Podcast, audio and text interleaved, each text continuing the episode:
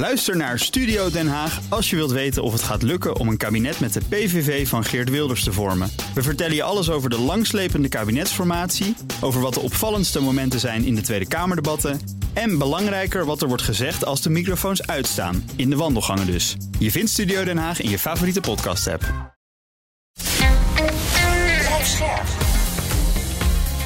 BNR Nieuwsradio. Napleiten. Wouter Laumans en Christian Vlokstra. En toen kwam het verhaal, uh, en dat was eerder nooit naar voren gekomen, uh, dat, dat uh, hij had er binnen had hij haar gewurgd en toen heeft hij haar naar buiten gesleept en uiteindelijk in de auto gelegd en, en weggebracht. En toen was ook de vraag van ja, maar wist je op dat moment zeker dat ze dood was? En toen begon hij te twijfelen.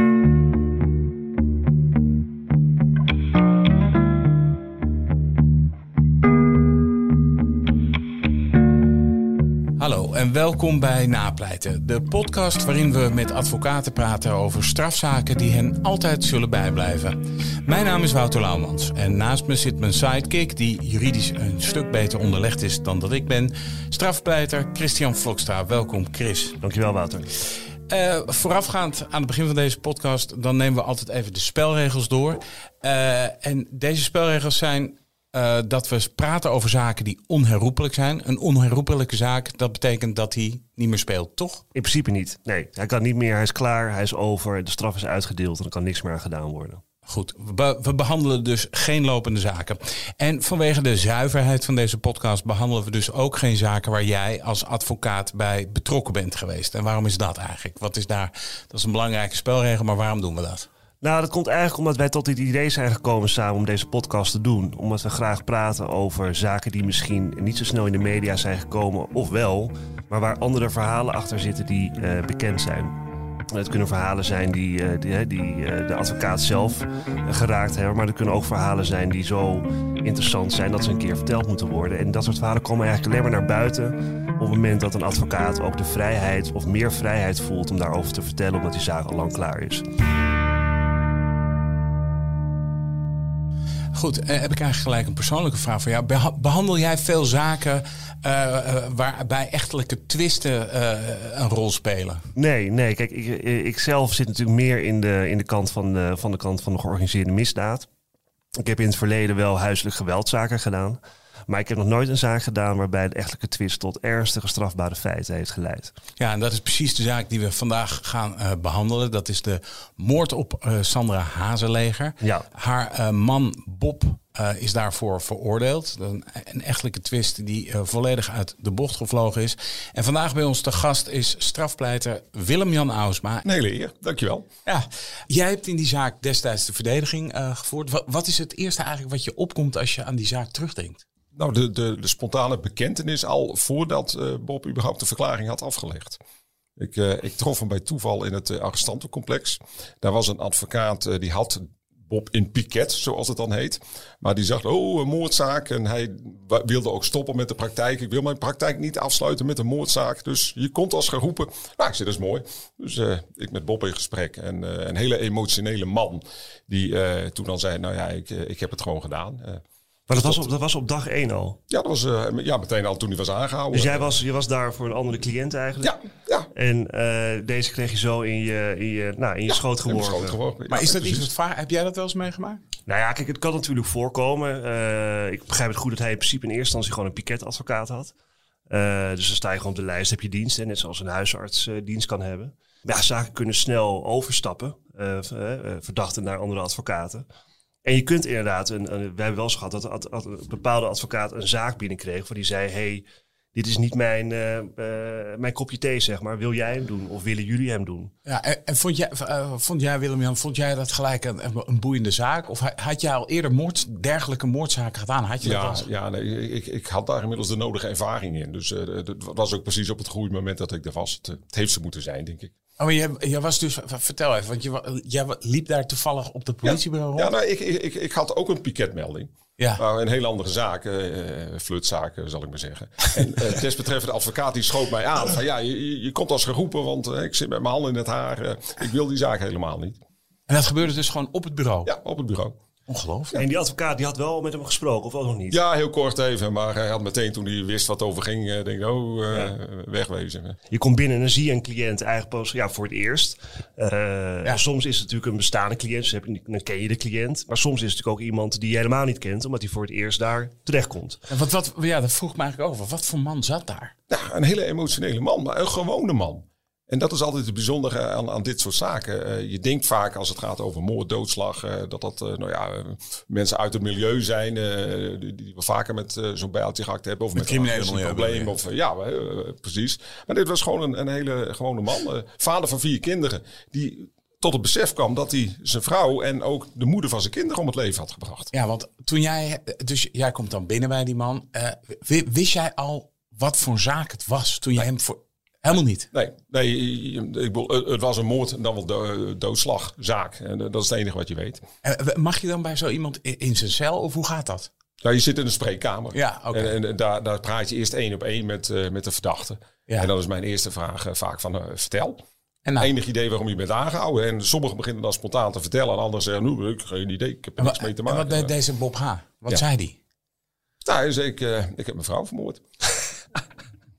Ja, nee, dat is, eh, dat is een heftig eh, piket, zeg maar, om het zo, eh, om het zo maar te zeggen. Maar ik denk dat schiet wel op. Dan heb je niet Ja. die hele discussie van we gaan het verhoor in. eerst beroep op je zwijgrecht. En dan kijken wat er allemaal komt. En dan overleggen van. Nou ja, dat hoeft natuurlijk niet. Want hij kan natuurlijk wel, hij kan tegen jou zeggen, nou, ik heb mijn vrouw vermoord. Ja, Maar dat gaan we niet bekennen. dat kan ook. Maar dat zei hij niet. dat zei hij niet. Nee, hij, hij had al bij zijn aanhouding had hij al bekend. Oh, bij de politie al meteen al. Ja, ja. En, Ja, wat, ook- eh, eh, ja, eigenlijk laten we heel even teruggaan. Ja, misschien moet je even uitleggen wat er gebeurd is. Wat, wat was er gebeurd? Ehm, eh, op, een, op enig moment, ergens in maart eh, 2011, eh, was Sandra Hazeleger eh, vermist. En dat is een zaak die eigenlijk best wel wat media-aandacht kreeg, omdat zij een telg was uit een, uit een bekende vastgoedfamilie. Een miljonairsfamilie, toch? Een miljonairsfamilie, een rijke vastgoedfamilie, met name ja, in, in de quote, eh, die in de quote eh, figureerde, zou ik maar zeggen. Er is zelfs een zoektocht geweest, ook naar haar. Eh, en hij heeft, haar man heeft ook geholpen eh, bij die zoektocht. En vervolgens is hij aangehouden. En ja, heeft hij eigenlijk vrij, hij had al bekend, denk ik, ook toen, toen voordat jij hem sprak. Maar hoe lang na het feit is hij aangehouden? Ehm, drie, vier dagen later. vier even- dagen. even uit mijn hoofd. Ja, hij, eh, ze hadden hem al wel eh, in de smiezen. Want ze, ze vonden zijn gedrag wat raar. En hij was natuurlijk wel een potentiële eh, dader. Ja. Toen is hij gaan tanken. En toen heeft hij ook een jerrycan met benzine gevuld. En dat is eh, va- vaak al een veeg teken. Eh, ik bedoel, je tankt gewoon in je auto en niet in een jerrytank. Toen zijn ze hem gaan volgen. Toen reed hij op een gegeven moment de snelweg af. En ook eh doodlopend weggetje naar een soort natuurplas. Ja. En eh, toen zijn ze even gaan wachten. Eh, toen kwam hij weer De terug. politie. Toen, ja, het observatieteam. Toen zijn ze dat weggetje ingereden. Toen zagen ze daar een auto met wat rook aan de binnenkant. Dat was de auto van hen, hun, hun familieauto zeg maar. Die had hij geprobeerd in de fik te steken. Dat is niet gelukt, want eh, hij was vergeten het raampje open te doen. Eh, en eh, toen hebben ze ook hem eigenlijk meteen daarna aangehouden. En toen heeft hij ook gezegd van, nou ja, het klopt, de auto staat daar. En ik heb haar daar in, een, in die plas die er was gelegd. Ja. Dus ze hadden ook meteen haar gevonden. Ja, maar wa- want dat, dat, daar ben ik dus altijd zo benieuwd naar. Kijk, als ik iemand voor het eerst ontmoet in mijn werk, dan probeer je eigenlijk zo snel mogelijk altijd iemand te peilen. Hè? Te denken van wat voor iemand heb ik nu voor me? Wat is dat voor iemand? Dat, ik kan me zo voorstellen dat jij dat en dat jullie dat eigenlijk alle twee ook doen. Ja, dat klopt. Maar inmiddels heb je wel de nodige mensenkennis opgedaan. Ja, Ja, dus eh, het, het- het klopt niet altijd, maar eh, je kunt toch vrij snel iemand lezen. Maar heeft hij toen in het begin ook tegen jou meteen het hele verhaal verteld? Ja. En, eh, maar hij moest natuurlijk nog wel het eerste verhoor in. Ja, dat klopt. Eh, hè, want hij heeft bij zijn aanleiding dan wel gezegd, nou oké, ik, Ja. eh, ik heb het gedaan. Maar hij heeft waarschijnlijk niet uitgebreid verteld wat er gebeurd is. Nee, nee. Dat heeft hij tegen jou wel verteld. Ja, nou ja ik, ik, stel wel vragen. Want Tuurlijk, met, met name wat om gaat van, ja, beken je een moord of beken je een doodslag? Nou, daar wilde ik Ja. eigenlijk een beetje naartoe. Want het is nogal, hè, het kan nogal verschil uitmaken natuurlijk. Heb je nog, voor zover je dat kunt vertellen, hè, want dat valt natuurlijk in principe natuurlijk onder je geheimhouding toe, maar moest je hem eigenlijk nog coachen daarin? Ja. en wat, wat- daar ben ik wel benieuwd in. Want hij wilde gewoon gaan bekennen. Ja. Daar was je ook al, weet je, in zo'n situatie kan ik me dat ook wel voorstellen als... Ja, het is natuurlijk het is zijn vrouw, het is de moeder van zijn kinderen. Precies. De man zit er emotioneel doorheen. Ja. Eh, die wil gewoon me kennen. Ja, dan ga ik als advocaat eh, ook niet meer zeggen, dat moet je niet doen. Nee. Ehm, eh, Ja, want hè, dat is natuurlijk ook een misvatting die sommige luisteraars natuurlijk hebben. Dat een, dat een advocaat altijd probeert om je onschuldig... Eh, nee. Kijk, als mijn cliënt tegen mij zegt ik wil bekennen. En hij heeft daar goede redenen voor. En ik denk, nou ja, ik snap dat wel. Dan mag je van mij bekennen. Ja, jullie, nee, maar dat is, ik denk dat het bij veel mensen dat dat toch niet helemaal duidelijk is. Dat jullie, jullie dienen de cliënt. Dus wat hij wil, dat is eigenlijk waar jullie hem bij helpen, toch? Ja. En, en wat haalbaar is. Ja, Ja, ja. Ja. ja. Oké, dus, dus nou ja, je, hebt, je hoort iemand zeggen: Ik heb mijn vrouw vermoord, eh, de moeder van mijn, van, van mijn kinderen. Ehm, wat heeft hij daarna verteld? Nou ja, dan ben ik een beetje aan de beurt. Ja. Eh, van, van dan ga je toch het verschil uitleggen tussen eh, de voorbedachte raden en een doodslag. En dan, Maar dan- had hij toen al het hele, hele verhaal verteld? Of is dat gewoon. Nee, nee, nee. Hij had gewoon bij zijn aanhouding bekend van... eh, en, en daar kunnen jullie haar vinden. Dus, dus dat was klaar. En toen is hij meegenomen naar het bureau. En dan heb je eerst recht op een advocaat. Een consultatierecht, zoals dat zo mooi heet. En dan kun je inderdaad dit soort zaken met je cliënt bespreken. En daarna ga je het verhoor in. Ja, ja. En kun je, kun je iets uitleggen over hoe je hem dan daar naar het eerste verhoor toe gecoacht hebt? Ja, ik ik heb het verschil tussen moord en doodslag eh, heel duidelijk uitgelegd. Eh, Ja. En, en ook eh, gezegd dat het heel erg afhankelijk is van zijn verklaring. Ja. Oké, maar je hebt dus nog niet het hele verhaal dan met hem doorgenomen. Dus hij zegt: Ik heb mijn vrouw vermoord. Dan zeg jij: Schrik jij daar dan nog van op zo'n moment? Nee, oh, op dat moment wist ik dat wel. Dus, dus ja, dat, dat is gewoon een feit. Ja. Nee, oké, maar, eh, maar dat er dus een man tegenover je zit die in staat is om zijn vrouw te vermoorden. Nou ja, kijk, hij, hij, had het van zichzelf ook niet gedacht. En dat is precies eigenlijk het verschil tussen zeg maar, een gewone man die in een vlaag van verstandsverbijstering iemand alles om het leven brengt. Of een eh killer moordenaar. Die dat allemaal uitstippelt en, en ook zorgt dat dat eh, stoffelijk overschot echt wegraakt. Voorbeeldje, eh, die man... die zou ik bijstaan een hoger beroep. Dat hoge beroep is uiteindelijk ingetrokken. Maar die had zijn vrouw in, eh, nou ja, op minuscule, minuscule wijze eh, ontleed, zeg maar. En de lichaamsdelen op vier verschillende plaatsen verstopt. En alles schoongemaakt. En dat, dat is een heel ander verhaal. Dat is veel luguberder dan gewoon dit. Zeg van ja, oké, dit, dit, dit zijn de feiten. Ja, nee, oké, maar ik- wat, wat, waar ik eigenlijk een beetje naartoe wil, wat ik me, me dus afvraag, is: oké, je gaat dus je, eh, die, dat eerste moment, je ziet die vent, eh, die man, moet ik zeggen, jouw klant, eh, en die vertelt je: Ik heb mijn vrouw vermoord. Dan moet hij nog zijn eerste verhoor in. Ja, En ik denk dat jij dat ook bedoelt met dat coachen. Ga je hem dan zeggen van joh, als je dit vertelt, of eh, ga je hem dan. Nou ja, kijk, het is natuurlijk wat, wat, wat Willem Jan zegt, het is natuurlijk niet voor niets. Hè? Het is eh, doodslag of moord, hè? dus voorbedachte raden of niet. Eh, ik laat ik het even hypothetisch houden. Als ik in zijn situatie zou zitten en ik zou deze man aanhoren, zou ik eerst zeggen, nou vertel eerst maar eens het hele verhaal. Maar, ja, heeft hij dat ook bij jou gedaan? Ja, in, in grote lijnen. Ja, Ja, oké. en dan, waar, waar, je dan met name ja. natuurlijk op inzoomt is, eh, hoe is deze mevrouw aan haar einde gekomen en wat heb je dan gedaan? En wat is het verhaal wat hij jou vertelde? Eh, ze waren terug van vakantie. En de, de, dat was omdat zijn eh, portemonnee daar was gerold. Het ging om een wintersportvakantie. En hij had nog geld geleend van zijn eh, voormalige schoonmoeder. om de skilessen en skipassen te kunnen betalen. Eh, nou, die portemonnee was dus kwijt. En toen konden ze eigenlijk niks meer. Dus ze zijn teruggereden. Met vier kinderen op de achterbank. Ja, dan, dan is het niet heel gezellig. En eh, vervolgens zei hij ook, ja, de, de relatie liep al minder. En eh, ze zat hem eigenlijk maar continu te jennen, eh, nou ja, dat hij een sukkel was. Eh, ze, ze noemde hem ook in bijzijn van anderen Bob de Loser. Bob de loser. Ja, En, heeft ze, heeft ze, heeft- dat vertelde hij dat, ook. dat vertelde hij eigenlijk al wat de aanloop was naar. En, en hij zei op een gegeven moment, ik was er zo klaar mee. Ze zat maar die hele avond ook, ook weer zo te treiteren. Ik ben naar het toilet gegaan, ik ben teruggelopen. Ik zag de hondenriem hangen en ik denk, eh, klaar. Hij heeft er gebeurd met de hondenriem. Ja, ja. En nu las ik eh, dat, dat er nog een kwestie zou zijn dat, dat hij op een gegeven moment nog een keer die hondenriem heeft gebruikt.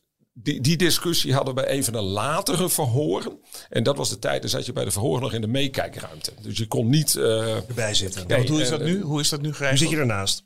Ja, ja. Ja, maar dat was, het was En allemaal mag je dan ook wat zeggen?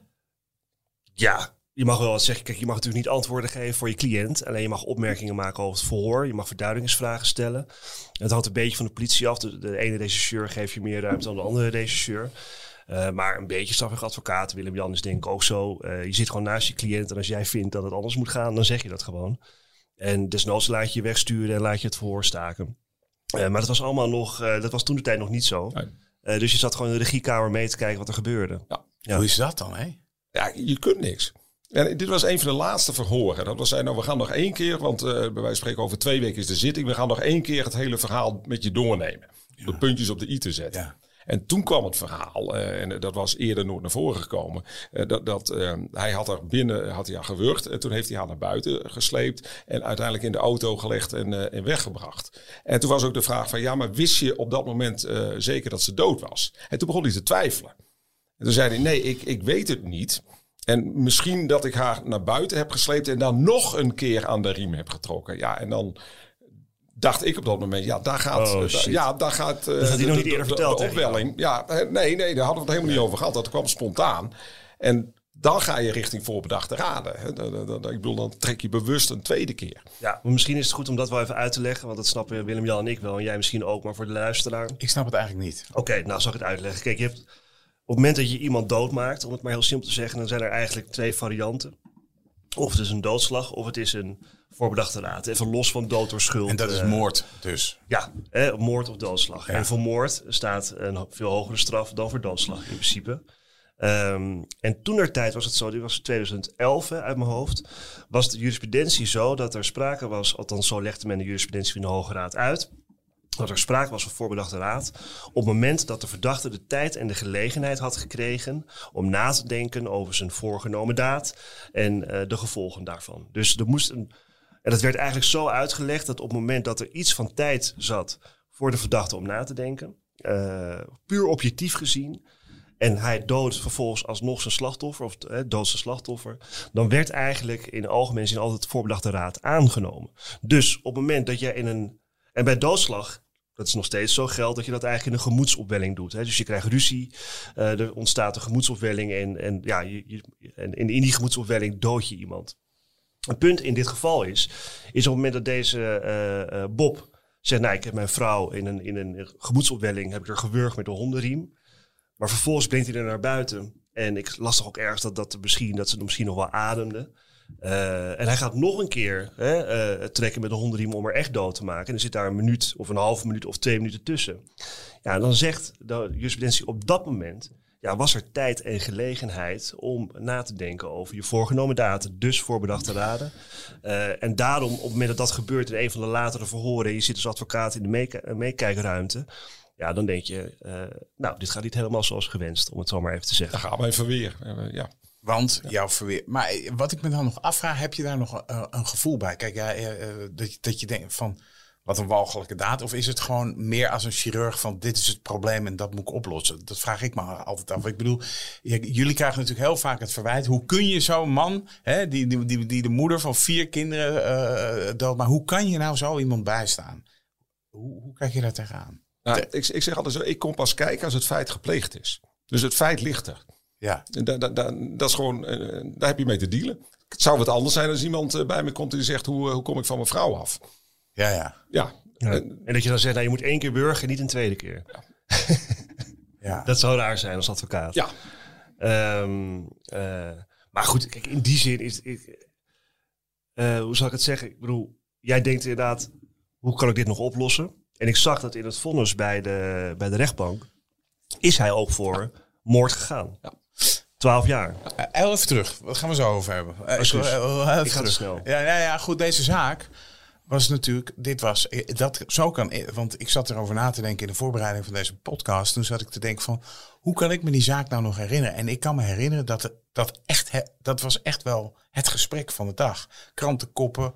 Ehm, had jij ook al vaker met zo'n mediazaak... eh, had je daar al vaker mee te maken gehad? Nou, ik, ik had hetzelfde als jij. Ik, ik las het ook in de krant.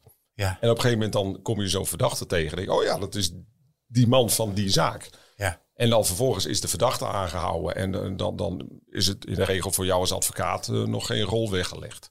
En ik, ik, ik ga dan ook niet zijn verklaringen in de media eh, roepen. Hè. Dat, dat, dat doet het OM wel. Hè. Tenzij tapetten onzin of onjuistheden zijn. Ja. Dan kun je daarop reageren. Maar voor de rest... Nee, maar ik bedoel, had je zo'n mediacircus als eerder meegemaakt? Want ik Oh, bedoel, ja, jij ja. al... Ja? ja. Ja. Dat lijkt me toch ook weer een aparte dynamiek. Zo'n me- de media in zo'n zaak. ja, nee, dat, eh, dat is waar. Ja. Maar werd eigenlijk meteen bekendgemaakt dat hij eh, bekend had?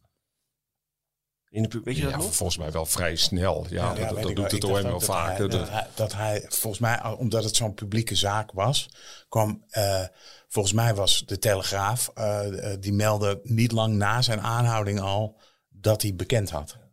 En Wat ik me nog afvroeg in zo'n van, ik heb eigenlijk zelf nooit zo'n zaak gehad, hè, waarbij dus een, een vader een moeder dood of zijn kind dood of wat dan ook. Dat was niet helemaal waar.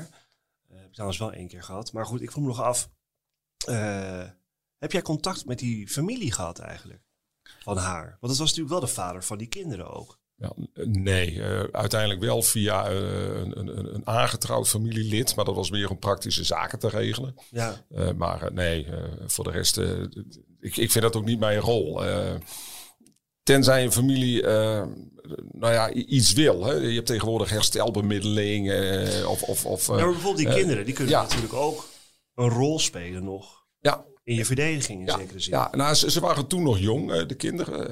eh, maar eh, uiteindelijk heeft ook het Hof in de uitspraak gezegd. eh, en daarom is die straf ook eh, wat lager uitgevallen. Hij zal er zelf ontzettend veel last van hebben. De komende jaren kan hij zijn kinderen niet zien. Op het moment dat hij in vrijheid eh, is, eh, zal contact met zijn kinderen nog heel eh, moeizaam lopen. Dus uiteindelijk heeft hij zichzelf al zo gestraft. Het was wel een element voor het Hof om eh, de, de straf te matigen. Ja. Ja, goed. Dat, maar, eh, want- ik, nou ja, goed, het is, dat, weet je wel, ik, ik wil toch wel heel even terug naar die mediadynamiek. Ja, omdat het, ja, dat is een beetje mijn vak. Ja. Omdat, zeker, zeker, zeker. Omdat, omdat, ik, eh, omdat ik toch altijd denk van ja, jeetje, dat is, het, lijkt mij, het lijkt mij zo'n enorme eh, druk op een zaak leggen. Voel je dat zo? Of Ja, helemaal niet? Nee, nee, nee. In het begin wel, maar daar heb ik tegenwoordig geen last meer van. Nee? Nee. nee. Dat geleid, dus ook eh, zeg maar als er, als je eh, als er allemaal dingen in de pers gaan, want jij wordt natuurlijk dan ook gebeld door een klant, toch? Eh, als, je, als, je, als er dingen in de krant staan, dan word, je gebeld. En dan, ik kan me voorstellen dat het reuring geeft. Ja, maar eh, het verschil, Wouter, is... eh, kijk, als jij een klant hebt die bij de klippen op ontkent... Ja, en er, komen feiten naar buiten... en, en jij moet Ja. die feiten weerleggen eh, met gewoon kletskoek... Ja, daar voel ik me niet prettig bij. ja. En dus dat doe ik ook niet meer. Maar als dat gewoon een eerlijk verhaal is... en, en, en, en je kunt ook... Je, je hebt de vrijbrief van je cliënt om, om de, de nuance aan te brengen in die berichtgeving. Nou, dan, dan, dan eh, heb ik daar geen probleem meer mee. Nee, dat hangt denk ik ook wel een beetje af in hoeverre eh, je cliënt en zijn omgeving zich wat aantrekt wat er in de media speelt. Hè, kijk, als jij cliënten, eh, een cliënt hebt en familieleden hebben die eh, op elke scheet die gelaten wordt in de media eh, op hol slaan. En dat overbrengen naar jou of jij daar iets mee wil doen. Ja, dan is het feit dat de media betrokken is bij zo'n zaak. Levert gewoon extra werk en extra druk op. Eh, op het moment dat de media gewoon een gegeven is, en dat snapt die klant ook, en dat snapt zijn, eh, snapt zijn omgeving ook, dan is het, kijk, ik ben jonger dan, dan Willem-Jan, minder lang advocaat. Voor mij was dat de eerste keren ook best wel spannend. Weet je, nu is het gewoon part of the deal en eh, maakt het eigenlijk niet uit. Behalve op het moment dat de media weer gebruikt gaat worden hè, door partijen eh, om het proces ook te beïnvloeden. Hè, dan krijg je er eigenlijk ook weer een extra element bij wat van invloed kan zijn op, het, op de zaak zelf. Maar in dit geval snap ik wat Willem-Jan zegt, die had ervaring. Ja goed, die man had bekend, het was natuurlijk een mediazaak. Ja, dan, dan is dat misschien minder eh, heftig op dat moment. Of dat geeft, geeft weinig extra druk, laat ik het zo zeggen. Nee, zeker. En je kunt juist in, in die zin ook de verzachtende omstandigheden uitleggen. Je kunt eigenlijk meteen al een soort, nou ja, goed woordje eh, voor, voor je cliënt eh, naar voren brengen. Had jij oprecht medelijden met hem? Ja, maar, maar dat, dat ook, ook omdat hij dat ook met zichzelf had. Niet, niet, niet in die zin dat hij vol zat van zelfmedelijden. Maar hij besefte wat, wat, wat voor onomkeerbare daad hij had verricht. En daar had hij ontzettend veel spijt van. Maar dat had hij op dat moment dat hij daarmee bezig was, had hij eh, dat idee niet. Ik bedoel, hij, hij, hij zat vol met woede en boosheid. eh, die, die, die hevige gemoedsopwelling.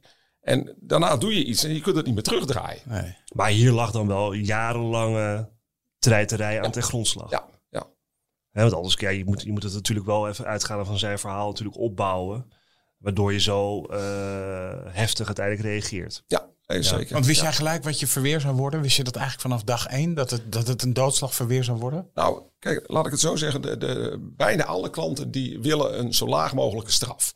Eh, in principe willen ze ergens onderuit komen. Maar als dat er niet in zit, dan is het gewoon eh strafverlaging. En dat is ook eh, jouw taak als advocaat. Hè? En daar dien je een klant ook nou ja, in te begeleiden, in te coachen Ja. en te kijken waar die mogelijkheden liggen.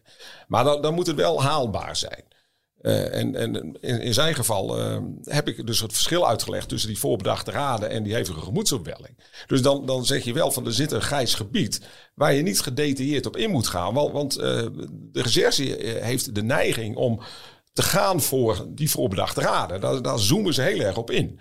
En het is uiteindelijk dus in het laatste verhoor ook gelukt toen hij begon te twijfelen. En zei, ja, nou hebben we weer. En nou ga je voor de moord. Ja, ja. En daar moet je je klant voor, voor behoeden. Maar waarom was dat in dit geval eigenlijk zo? Dat, de, dat, dat begrijp ik eigenlijk niet zo goed, hè, want hij is heel vaak gehoord kennelijk, denk ik. Uh, waarom de recherche daar zo uh, in, in zo'n geval zo op gespitst was om daar de voorbedachte raad van te maken. Terwijl als je zijn verhaal in eerste instantie hoort, denk je, ja, dat is een overduidelijke doodslag. Ja, dat, dat begreep ik dus ook niet. Maar, nee. maar, dat is toch een beetje de, de scoringsdrift, denk ik, op de een of andere manier. Dat, uh, dat ze toch willen ja, van ja, maar we, we, we, gaan voor een zo hoog mogelijke gevangenisstraf. Maar ja. misschien natuurlijk ook, uh, zou het niet kunnen zijn dat zij echt ook het idee hadden van misschien was je daar al langer mee bezig. Ik bedoel, zo, de, de politie is toch bezig met een soort waarheidsvinding. Die gaat toch kijken. Nee, zeker, en als jij dus twee keer Tuurlijk. die hondenriem hebt gebruikt, is dat waarheidsvinding, lijkt mij. Zeker, maar dat wisten ze niet. Kijk, ik bedoel, dat, dit kwam eigenlijk toevallig op. Kijk, als jij inderdaad uh, bewijs vindt dat hij al langer, hè, zoektermen op internet, weet je, waarbij je zegt hoe, hoe vermoord ik mijn vrouw het beste, nou het gebeurt en dat soort dingen. Ja. Uh, kijk, dan heb je aanwijzingen die misschien wijzen op een voorbedachte raad, op een plan. Uh, maar dit kwam eigenlijk uit de lucht vallen. Het is gewoon drukken, drukken, drukken, totdat ja. er misschien iets ontstaat waardoor je nog uh, iets kan. Ja. Dat vind ik eigenlijk heel raar in zo'n zaak, want het is... Weet je, het is gewoon, het is geen prestigezaak wat dat betreft. Het is gewoon ja, een familiedrama wat plaatsgevonden heeft. Ja, maar volgens mij was het, dat is natuurlijk ook wel weer die media-aandacht, dat, een, dat het daardoor misschien wel wat prestige krijgt. Ja, dat is een beetje dat, dat spierballentaal van uh, wij, wij, zorgen dat dit soort mensen heel lang wordt opgesloten. Dus je zit erbij, hij legt die verklaring af. Je denkt, oeh, dit gaat misschien uh, ten koste van het, doodslag, uh, van het doodslagverweer. wat heb je daarna gedaan om dat misschien toch weer recht te trekken? Weet je dat nog? Ja, uh, je, je, je, bepleit dan afhankelijk wel dat die hevige gemoedsopwelling natuurlijk even kan voortduren. Uh, alleen uh, nou, het standpunt van de officier was nee, hij heeft, uh, wat jij net ook zei Christian, die tijd gehad om toch over de gevolgen na te denken. Dus we maken er voorbedachte raden van. Maar was het, oké, want als zij al dood was op dat moment, ja. even heel technisch juridisch, ja, het is ja. een beetje hard, ja. dan maakt het niet uit. Nee, dat was ook een, een, een van nee. mijn punten uiteraard. Maar alleen de rechtbank heeft toch geredeneerd. Nee, ja, nee, op basis van die verklaring was ze nog niet dood. dus nou ja, tijd gaat om erover na te denken, dus moord. En en maakt het dan nog uit, uh, zeg ik als uh, juridisch uh, de minst onderlegde aan deze tafel, maakt het dan nog uit dat je na die moord, dus je zou, en ik als leek zou kunnen beargumenteren, oké, okay, dus je doet iets in een hevige gemoedsopwelling, vervolgens ga je het lichaam verstoppen. Mm. Hoe lang hoe is er dan nog sprake van die hevige gemoedsopwelling? Uh, en en, en het, het, is, telt dat juridisch ook nog ergens mee? Dat je een lichaam weg gaat maken? Dat het, is dat, uh, maakt dat verschil voor moord of doodslag? Nou, ik, ik, noem het wel eens nabedachte raden. Maar nabedachte raden bestaat feitelijk niet. Tenzij het hoort bij een heel plan uh, ja. wat je hebt uitgestippeld. Ja. Maar als je die hevige gemoedsopwelling hebt en dan is het feit is, is klaar, dan maakt het niet meer uit wat je doet. Het, het kan wel in de straf uh, verschillen of je meteen 112 belt of uh, toch probeert uh, de zaak te verdoezelen. Ja, het zelf meezoeken maakt het niet per se sympathieker natuurlijk, het feit. Nee, en bepaalt dagen, niet. En, bepaalt en drie niet. dagen niks zeggen. Bepaalt ook niet. maar, ik, wat, nee, maar omdat je dus, hè, je hebt het nu over nabedachte raden dan is het toch ook niet zo gek dat die recherche denkt, maar als jij dat lichaam hebt weggemaakt, misschien heb je dus wel een vooropgezet plan gehad. Dus in dat opzicht is ja, het maar met, niet ja, zo... natuurlijk, maar met name omdat het dan zo opkikt op zo'n op zo'n detail van, ik heb nog, ja, detail, maar hè, ik heb nog, nog een keer aangetrokken. Als daar geen aanwijzingen voor waren, omdat er Ja. niet meerdere streamen werden aangetroffen in de nek of wat dan ook. Ja, dan, dan popt het eigenlijk bij toeval op. Weet je, als je niks hebt, ja, dan, dan vraag ik me af waarom is dat gebeurd. Ehm, maar goed, het is gebeurd. En hij is inderdaad voor twaalf jaar gegaan eh, Ja, want die eh, st- bij dus- de rechtbank. Ben je dan nog, was je eh, toen die zaak begon te spelen, hè, dus dan gaat zo'n zaak gaat van start. Dat ging eigenlijk, dat was vrij snel eigenlijk na de feiten. Hè, dus je, je zal een aantal proforma zittingen gehad hebben. Ja. En volgens mij was het acht of negen maanden later dat die zaak echt voor de rechter kwam. Ja. Ben jij dan van tevoren, eh, heb je dan wedstrijdspanning of hoe, hoe moet ik dat, ben je zenuwachtig? Nee. Nee? Nee, al- al- alleen eh, het is nu beter geregeld dan toen. Maar je, je zat dan in die tijd nog met de nabestaanden in, in dezelfde hal te wachten. Dat is gewoon wel, eh, nou ja, dat, dat, dat, dat is niet, niet zo prettig. Ik heb, wel eens, ik heb wel eens meegemaakt dat eh, advocaten in de, in de gang eh, naar nabestaanden toe gingen en zeiden van, joh, je, ik vind het, het is een soort van hun deelneming beta- betuigen met, met het verlies. En, en, en, vorige, en onlangs nog in de zaak van eh, Bas van Wijk had de advocaat van de verdachte, die, had een, he- die begon haar pleidooi met eerst aan te stippen van dat het eh, de nabestaanden toch wel heel zwaar leed was aangedaan. Ja. Nee, maar dat is ook goed om te doen. Ik bedoel, kijk, het kan niet altijd. Hè. Het hangt een beetje vanaf hoe de nabestaanden zich eh, opstellen richting jou ook als advocaat. Maar zeker in pleidooi. Kijk, het is, ja, het, het is ook goed omdat je niet wil dat wat jij gaat zeggen wordt afgeleid of dat daar reuring ontstaat hè, eh, vanuit de nabestaanden, waardoor de rechtbank wordt afgeleid van de inhoud van je verhaal. Dus je wil ook meteen dat neerleggen van, weet je, ik weet, hè, we snappen allemaal, we zijn allemaal normale burgers, hoe beschikkelijk voor de nabestaanden is. Alles wat ik hier ga zeggen, zal de nabestaanden voor een belangrijk deel eh, niet zinnen. Eh, maar dat is mijn taak als En advocaat. ook pijn doen natuurlijk. Zeker, dat is ook natuurlijk vanuit, vanuit fatsoenlijk oogpunt. Dat voel ik zelf ook. Maar dat is ook vanuit verdedigen strategisch oogpunt. Omdat je eh, geen zin hebt dat je pleidooi zeg maar, wordt, eh, eh, ja, wordt, wordt onderbroken of wat dan ook door heftige reacties. Heb jij dat ook zo? Ja, dat is, eh, ben ik met Christian eens. Dus je probeert ook je woorden in dat soort zaken wel zorgvuldig te kiezen. Ja. Je gaat geen olie op het vuur gooien dat er geschreeuwd eh, wordt vanaf de tribune. Of eh, dat ze eh, inderdaad eh, geluiden gaan maken, eh, afkeurende geluiden. Dat, dat probeer je te voorkomen. Maar heb jij ook geen wedstrijdspanning voor zo'n ple- voor zo'n pleidooi? Helemaal niet. Nee. Jij wel? Ja, heb ik wel, ja. Ja, bij belangrijke pleidooien heb ik dat. Eh, dat merk je, als je goed luistert, merk je dat ook bij mij. Want dan ga ik heel hoog ademen. Eh, in het begin. En dan moet ik eventjes, ik moet er één of twee minuten inkomen. Eh, en dan ben ik rustig en dan gaat het goed. Niet altijd hoor, maar bij belangrijke pleidooien eh, waar, het, waar de belangen groot zijn. En waar ik echt een verhaal wil neerzetten, heb ik dat wel. Ja. Maar goed, je hebt advocaten. en volgens mij is Willem-Jan daar één van. Al heb ik nooit met jou samen in de zaak gezeten. Die kunnen eigenlijk tijdens een zitting hun pleidooi zo'n beetje zo opschrijven en dat zo voordragen. Ja. Eh, ja. En dat moet je natuurlijk ook wel de zaak een beetje voor zijn. Hè? Dat de zaak overzichtelijk genoeg is om dat zo te doen. En deze zaak is in principe overzichtelijk genoeg. Maar volgens mij ben jij wel zo'n type advocaat die dat kan. Bij voorkeur wel. Gewoon, Ja. eh, Ja, ja, maar, oké, maar voordat er, voordat er gepleit wordt, is er natuurlijk, wordt eerst de eis geformuleerd. Hè? De eis in deze zaak was 14 jaar. Ja. Had je dat verwacht? Ja, ja. En met name door die laatste verklaring, eh, waar, waar, waar het toch achteraf op aan is gestuurd. Hè. Er werd zo ja, die, druk opgevoerd om toch maar iets meer te krijgen om die voorbedachte raden rond te krijgen. Dus dan, dan verwacht je ook een hoge eis. Ja, en, en heb jij dan zoiets van, eh, be- benader jij dat klinisch of benader je dat persoon? Denk je, potverdomme, dat is een hoge eis. Of denk je, nou ja, dan moeten we het hiermee doen. Of hoe benader je dat? Nee, we, we wel op de menselijke manier. Eh, En, en in dit geval, eh, kijk, Bob had ook ontzettend veel spijt. En daar kun je wat mee. Dat deed hij ook op de zitting. Ook, ook, ook richting nabestaanden. Hè. Dus dan wek je al bij de rechtbank veel meer eh, sympathie... dan als je eh, bij de klippen op gaat ontkennen. Leggen jullie dat ook wel eens uit aan klanten? Ja. Ja, tuurlijk. Ik vind het eerlijk gezegd, als ik nu even nadenk. Dit was in 2011, hè? 14 jaar voor zo'n zaak met zo'n verhaal. Ik vind het echt een absurd hoge eis eigenlijk. Dat is wat ze nu Nu eisen. zijn we echt aan het napleiten. Nee maar, ze- nee, maar dat is echt een absurd hoge eis. Ik bedoel, dat is wat, je, wat ze nu eisen. Ze, ik bedoel, ze eisen nu heel hoog hè, voor moord en, en doodslag. Maar 14 jaar in zo'n en, en de leek zal zeggen, 14 jaar voor, de, voor het ombrengen van een moeder van vier kinderen, dat is niks. Tuurlijk, weet Ja. je, maar er is geen enkele straf die in verhouding staat tot wat deze mevrouw is overkomen. Geen enkele.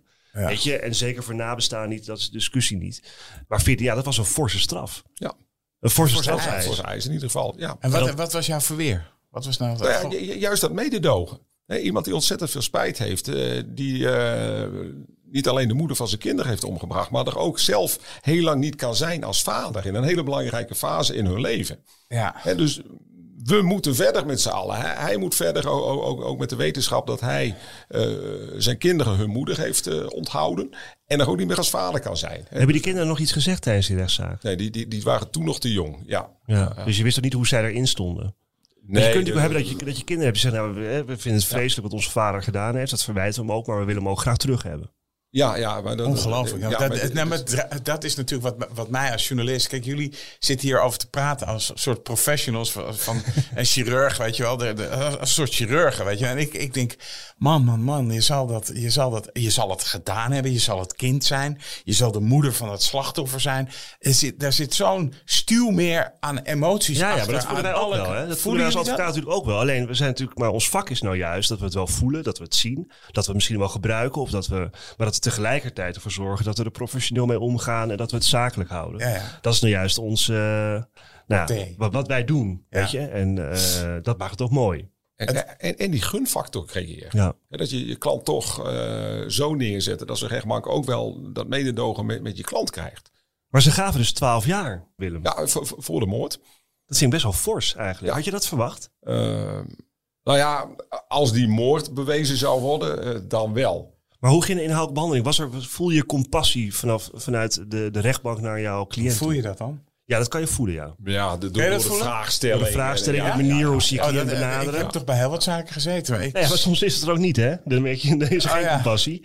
Maar je hebt rechters, en dat vind ik ook, dat vind ik ook goed, weet je, die, maken, die proberen contact te maken met ja, ja, dat is waar. Oh, waar. wat ja. je dus ook kan hebben, dat heb ik wel eens gehad, dat je denkt, nou die zitting, nou dat loopt eigenlijk best wel goed. Die rechtbank die toont wel compassie met mijn cliënt. En bam, op volles gaan ze gewoon, halen ze keihard Was uit. dat in deze zaak zo? In eerste aanleg wel. Kijk, bij, bij, het Hof eh, heeft het anders uitgepakt. Ja, oké, maar dan, wordt het 12, dan heb je dus 12 bescha- eh, dus eh, uiteindelijk is, is dan dus de eis 14, vonnis 12. Ja.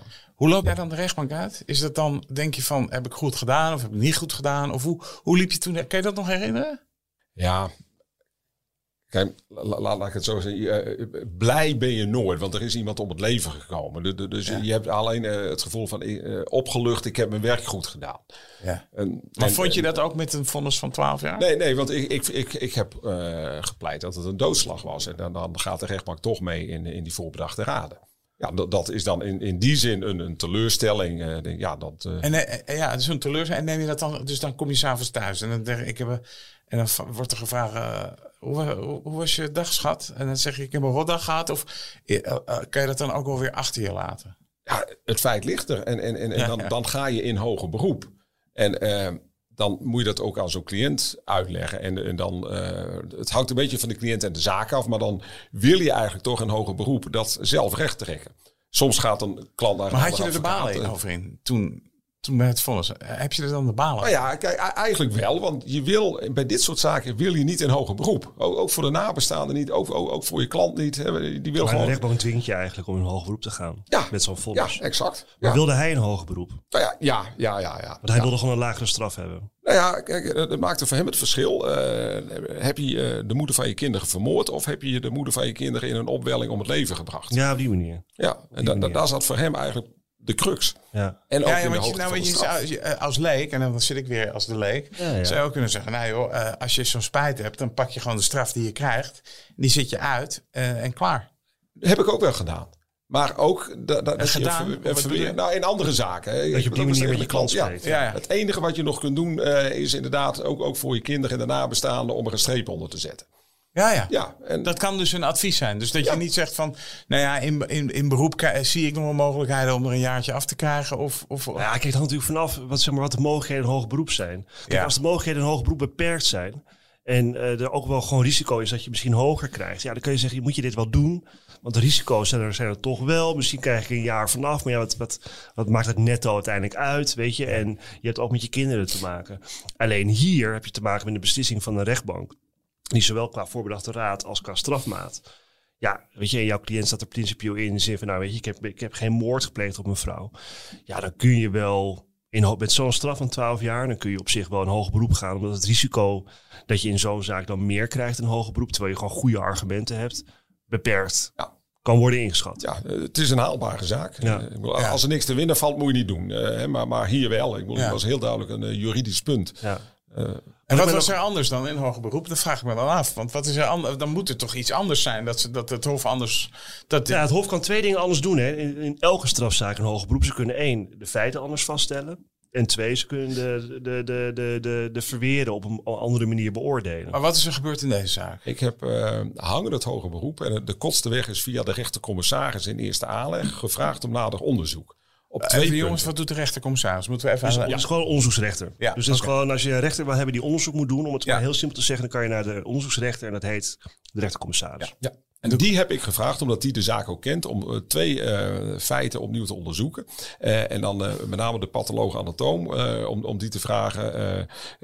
zitten er inderdaad, je zei net ook Christian, meerdere wurgstrepen in, in iemands nek? En kun je ook uit het onderzoek aan de, nou ja, de, de, die botjes die er zitten, kun je daar ook aan zien of er inderdaad daadwerkelijk twee keer is, is gewurgd? En uit het hele onderzoek bleek dat niet. Er waren duidelijke foto's, eh, die zijn nog een keer bekeken.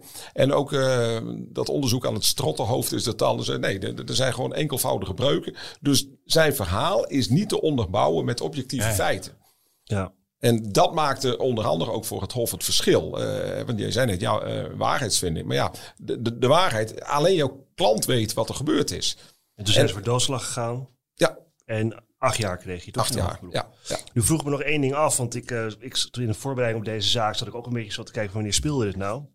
En toen dacht ik van, kijk, dat is voor, voor de luisteraar, dat weet jij natuurlijk wel, voor de luisteraar, dus zeg maar de jurisprudentie hè, qua, qua voorbedachte raad en de invulling daarvan is in de loop der jaren gewijzigd.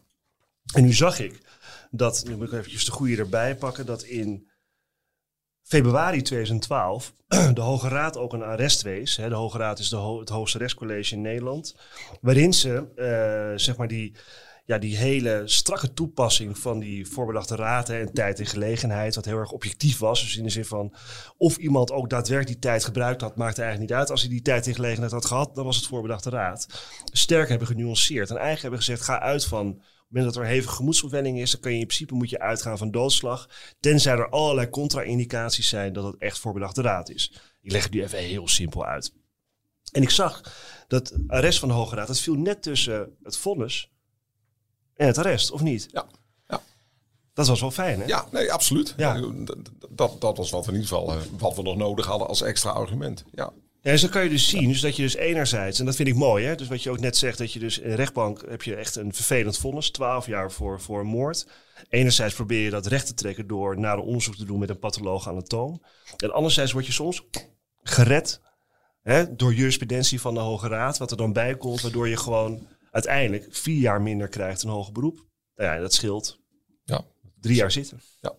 En zo kijken jullie ernaar, hè?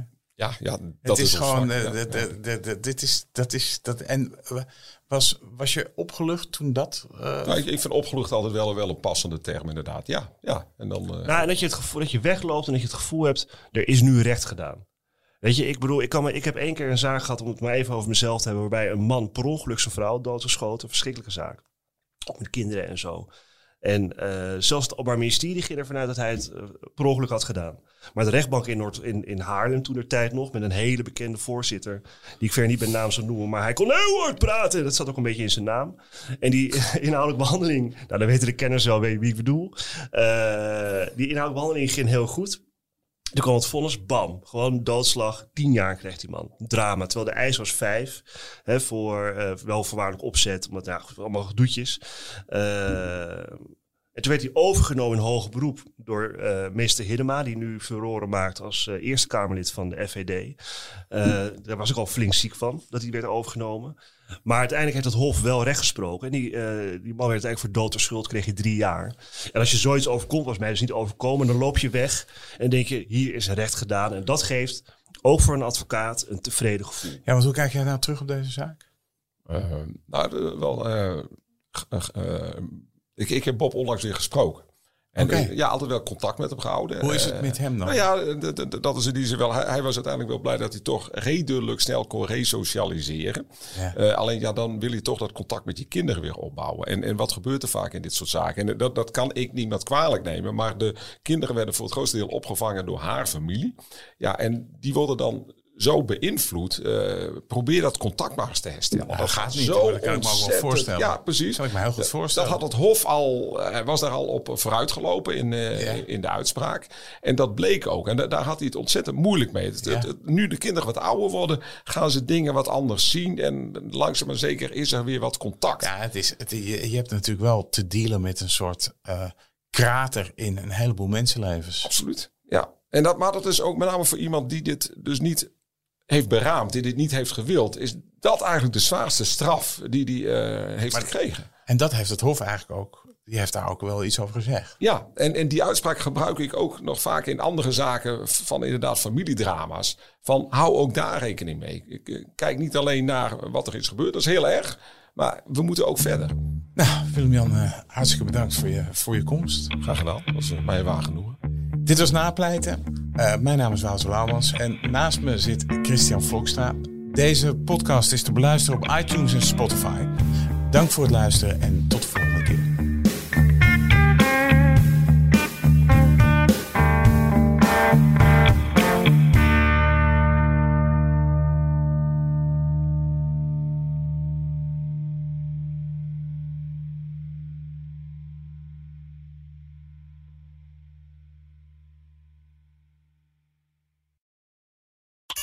Bas van Werven vind je in de BNR-app. Ja, je kunt live naar mij en Iwan luisteren tijdens de ochtendspits. Je krijgt een melding van Breaking News. En niet alleen onze podcast Ochtendnieuws, maar alle BNR-podcasts vind je in de app. Download nu de gratis BNR-app en blijf scherp.